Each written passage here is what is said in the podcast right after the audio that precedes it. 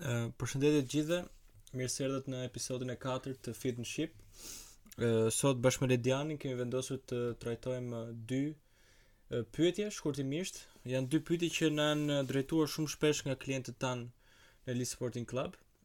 Kryesisht ata klientë të cilët kanë frekuentuar klasën e Body Bike-ut që ne ofrojmë, por edhe klientët të cilët janë nënshtruar përgatitjeve që ne bëmë për gjysmë maratonën e Tiranës 2019. Pyetja e parë është a është e dëmshme të trajnohesh vetëm kardio dhe shumë shpesh. Ë kjo është një pyetje që shumë njerëz e kanë për shkak se trajnimi kardiovaskular vë në punë shumë zemrën dhe për një pjesë njerëzve u duket sikur duke u trajnuar shumë shpesh mund të dëmtojnë më shumë se sa të marrin benefitin e tyre. Ë dy pika që duhen nënvizuar është Stërvitja kardiovaskulare mund të bëhet problematike në momentin që ti fillon të trajnohesh shumë fort direkt, pra nuk ka një farë gradualiteti. Për shembull një person që kërkon të fillojë stërvitjen kardiovaskulare për të ulur peshë dhe fillon direkt me 10 km, ajo mund të shkaktojë stres në muskujt e zemrës dhe mund të japë më shumë dëme se sa benefit. për të mos llogaritur këtu pastaj edhe problemet me muskujt që do kesh ditën e nesërme etj etj. Si dhe faktin që një stërvitje 10 kilometra 2 deri në 3 herë në javë është thuajse e papërballueshme për një fillestar. Kështu që është e rëndësishme që të kuptojnë që stërvitja kardiovaskulare si çdo lloj stërvitje tjetër bëhet e dëmshme nëse fillon ta stërvitesh shumë intensivisht direkt pa gradualitet. Ë nuk e di Ledian nëse ë po e vërtetë, domethënë kjo vlen për çdo për çdo pjesë të trajnimit që nëse e mbibën atëherë do kesh pasoja negative. Ë kjo e dëmshmja mund të vijë edhe në pasoja të tjera, për shembull mbitrajnimi i një muskuli të caktuar. Ë mund të çojë që ai muskul të bëhet tight, që quhet tight muscle, që të të forcohet më shumë se ç'duhet dhe duhet të kesh nevojë që ta stretch-ësh atë më shpesh. Po. Të kontraktohet një nga këto muskujt për shembull është për ciklistët është hamstrings, për pjesa e, e mbrapme e kofshës. Është një muskul që përdoret shumë gjatë ciklizmit dhe ajo bëhet shumë tight dhe është shumë e vështirë që ta për shembull kur bën squat nuk shkon dot shumë poshtë sepse nuk të të lë muskuli që është shumë i shumë i kontraktuar. Një problem tjetër është sigurisht për shembull nëse bën shumë vrap janë dhe tek nyjet dhe tek kockat vetë mund të shkaktojë probleme të vogla, por në qoftë se ato nuk nuk shikohen me kujdes mund të çojnë në dëmtime më të mëdha permanente më vonë. Një problem tjetër është dhe fakti që ka njerëz që kur vendosin të humbin peshë shpejt ose të bëhen fit shumë shpejt, fillojnë që në vend që stërviten shumë fort, në fakt përfundojnë duke u stërvitur më shpesh se ç'duhet. Për shembull, në vend që të bëjnë 10 kilometër, siç po flisje më përpara, mund të bëjnë më pak, por shkojnë thuajse ditë për ditë nga liqeni artificial për shembull. Edhe ajo është një dëm në vetvete sepse po stërvitesh me një frekuencë shumë të lartë për të cilën ndoshta nuk e ke përballuar trupin. Edhe për atletë që janë shumë të avancuar, njerëzit përgjithësi kujtojnë që ato atletë stërviten për ditë dhe si të thuash që janë gjithë kohën duke e dhënë maksimumin, në fakt edhe atletët më të avancuar kanë ditë që stërviten pak, ka ditë që bën vetëm stretch për të për të ndihmuar trupin që të nxjerrë acidin laktik. Dhe kjo gjë duhet bërë dhe më e theksuar tek njerëzit normal që nuk e bëjnë fitnessin për jetesë, po e bëjnë për arsye rekreacionale. Kështu që në në adresim të të gjithë përgjigjes, mendoj që është optimale për një person që do të të zhvillojë një stërvitje kardiovaskulare që të dijë limitet e veta, të dijë se deri ku duhet të shkojë për të qenë i shëndetshëm, të mos e sforcojë veten të shkojë në stërvitje kur i dhemb trupi, kur e ndjen që muskujt nuk i përgjigjen më, kur ka dalë disa herë rresht për vrap dhe e kupton që po ekzagjeron. ë dhe nga ana tjetër të kuptoj që rruga drejt fitnessit është një maraton, është një rrugë shumë e gjatë dhe nuk arrihet brenda javës. Të mundohet të mbaj motivimin dhe të filloj me dy herë në javë, me nga 3 kilometra dhe në momentin që trupi jot do të doj të bëj më shumë vrap, më shpesh, atëherë gradualisht duhet të fillosh ta rrisësh. Mm, Alini mori vrapin si shembull, po kardio bëhet edhe në mënyra të tjera, për shembull ne kemi edhe biçikletën, kemi dhe varkën, rowing, kemi edhe ski, uh, erg, uh, kemi dhe air bike, pra ka mënyra të ndryshme për të bërë për, për të bërë kardio, ka gjithashtu dhe ushtrime me peshën e trupit që prapë vë në punë sistemin kardiovaskular. Uh, ajo që duhet të ketë parasysh, domethënë është që siç thamë, intensiteti dhe intensiteti është diçka që vëre e vëren vetë gjithsecili, Aq më mirë akoma nëse je në vëmendjen e një instruktor që dallohet ku është limiti. Por duhet pasur kujdes intensiteti, një dhe e dyta, edhe trajnimi vet nuk ka nevojë që të jetë gjithmonë super intensiv. Gjithmonë duhet të ketë trajnime që janë ndoshta pak më të gjata në kohë, po me intensitet më të ulët, ka edhe trajnime që janë pak më të pakta në kohë, por më me, me, me intensitet dhe këto duhen variuar pastaj, nuk ka nevojë që të jetë gjithmonë i njëjti trajnim, kështu që merr në mënyrë indirekte dhe atë pushimin e dur të të sistemit kardiovaskular. Ë uh, un kam dëgjuar për shembull për shembull njerëz që janë trajnuar në mënyrë të jo të supervizuar nga trajneri dhe janë sforcuar dhe një nga pasojat negative që kanë pasur kanë pasur zmadhim të zemrës si quhet nga sforcimi, do të thënë trupi nuk ka ka qenë i përgatitur të furnizojë gjithë muskujt ë uh, me atë nivel intensiteti me gjak dhe prandaj ka krijuar këtë zmadhim. Ajo në vetvete nuk është është problem normalisht, por nuk është problem vdekjeprurës, por që duhet pasur parasysh prandaj ka dhe një shkencë mbrapa trajnimit. Domethënë, cila është ideja? Ideja është që trajnimi duhet të jetë konsistent, duhet të jetë i qëndrushëm dhe në qofë se ti do të shkosh të bësh një aktivitet kardiovaskular, mund ta bësh javën e parë, e, si të thuash, në, në një nivel të lartë dhe ekstrem. Por javën e dytë, javën e tretë, niveli yt fizik dhe performanca do fillojë të bjerë dhe do shfaqen problemet fizike, do shfaqet rënia e performancës, gjitha këto dhe pastaj shoqërohet me probleme stresante, stërvitja bëhet më shumë një gjë stresuese në ditën tënde se sa diçka relaksuese dhe nuk është e qëndrueshme. Mund të fillosh javën e parë të dytë të stërvitesh, të heqësh disa kile, pastaj javën e tretë të katërt të shkosh më pak shpesh dhe të fillosh të shtosh kilet mbrapa dhe pastaj e lë. Ideja është që kesh një farë gradualiteti që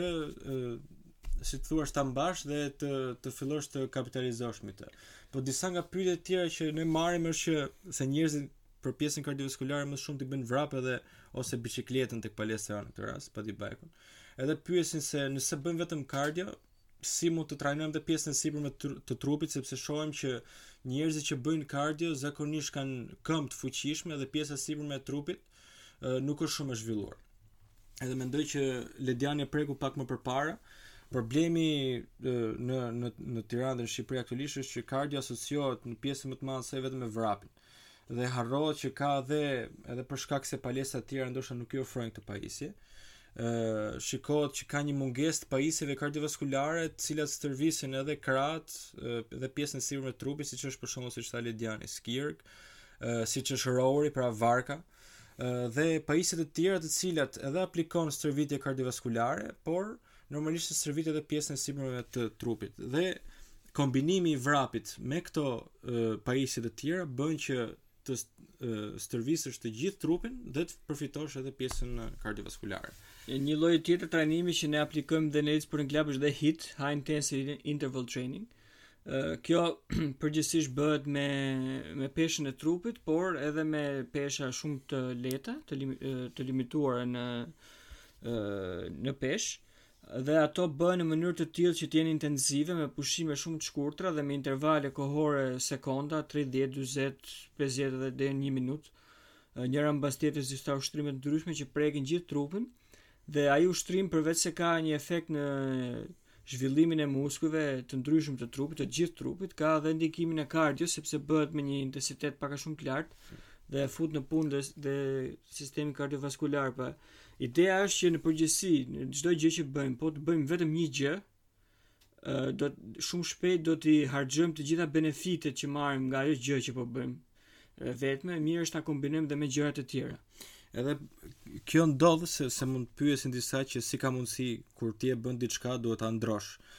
ideja është që duke bërë diçka duke bërë të njëjtën kohë duke bërë të njëjtën gjë për një kohë të gjatë trupi fillon të adaptohet me atë gjë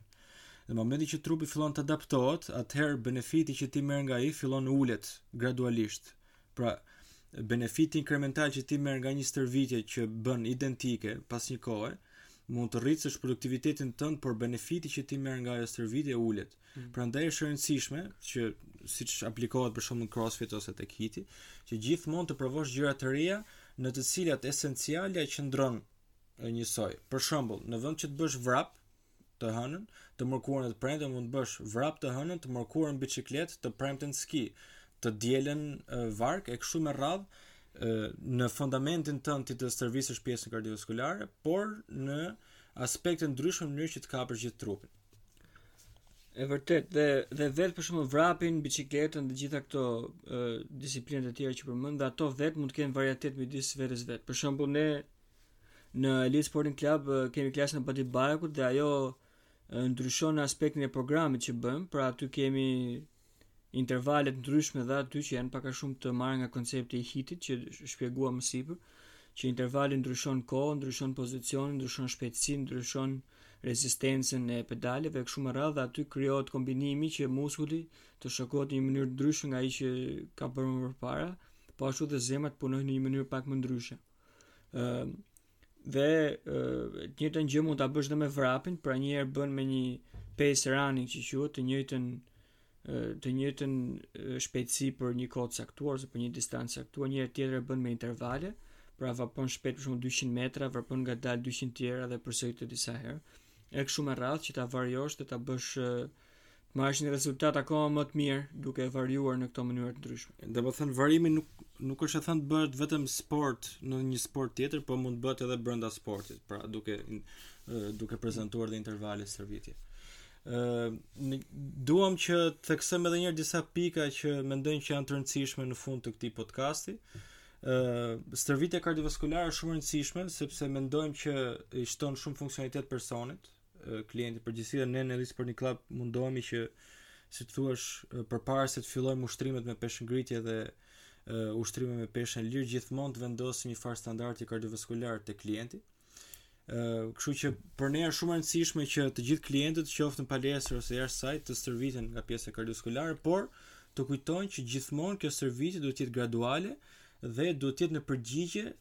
pozitive të trupit kur ai është gati që ta përftojë këtë stërvitje. Po ashtu dhe stërvitja kardiovaskulare ka benefite të shumta të shëndetit në përgjithësi, pra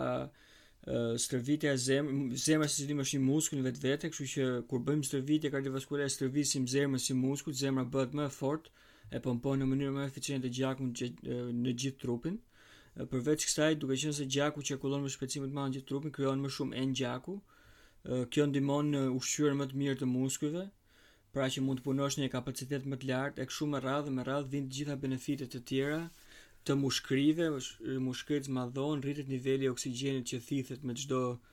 thithje të oksigjenit e kështu me radhë. Trupi adaptohet në një mënyrë shumë të këndshme që ka benefite të tjera dhe këto benefite që unë përmenda çojnë dhe në largimin ose shmangien ose uljen e probabilitetit që sëmundjet kryesore globale që janë si hipertensioni, diabeti, kanceri të minimizohen sepse trupi do të adaptohet ndaj trajnimit dhe nuk ka kohë në thonjëza që të të sëmuret. Mm. Dhe së fundmi, siç thamë dhe një herë për pjesën e variimit është shumë e rëndësishme që të eksperimentoni. Për njerëzit që thonë për shembull që unë kam shumë pasion vrapin, dua të bëj vrapin, siç foli mund të bëjmë eksperimentime edhe brenda të njëjtit sport, Mund të bëni distanca të ndryshme, pra jo 5 kilometra, po 10 kilometra, mund të bëni vrap me intervale, mund të bëni 1 kilometër me një ritëm më të shpejtë, kilometrin e dytë me ritëm më të ngadaltë, por një gjë tjetër që mund të shtojmë është që mund të prezantoni në stërvitje edhe disa distanca të cilat kanë malore disheza, të cilat mund ta variojnë stërvitjen dhe ta bëjnë pak ta shokojnë trupin në mënyrë tjetër. Mm. Mund po ashtu të ndroni sport në vend të vrapit, mund të përdorni varkën, mund të përdorni pajisje të tjera që kryejnë të njëjtin funksion dhe dhe bëjnë të mundur stërvitjen mm. vaskular. Kjo ishte një përmbledhje e kësaj teme që trajtuam kësaj radhe. Gjithmonë nqoftëse keni tema të tjera të këtij lloji ose çdo lloj teme që mendoni për sa i përket trajnimit, shëndetit e kështu me radhë, mund të na shkruani dhe ne do t'i trajtojmë në këtë formë me këto podcastet e shkurtra ku shpjegojmë dhëna shkencore dhe eksperiencën tonë dhe ato që kemi parë nga klientët që vinë në Ritmo Club. Ne do mundohemi t'i mbajmë podcastet sa më të shkurtra në mënyrë që edhe për ju të jetë diçka e këndshme për të dëgjuar dhe të japim tek ju disa informacione të cilat ne i kemi goxha të implementuar mirë, por për shumë klientë tanë i shikojmë që janë pyetje që janë të vazhdueshme dhe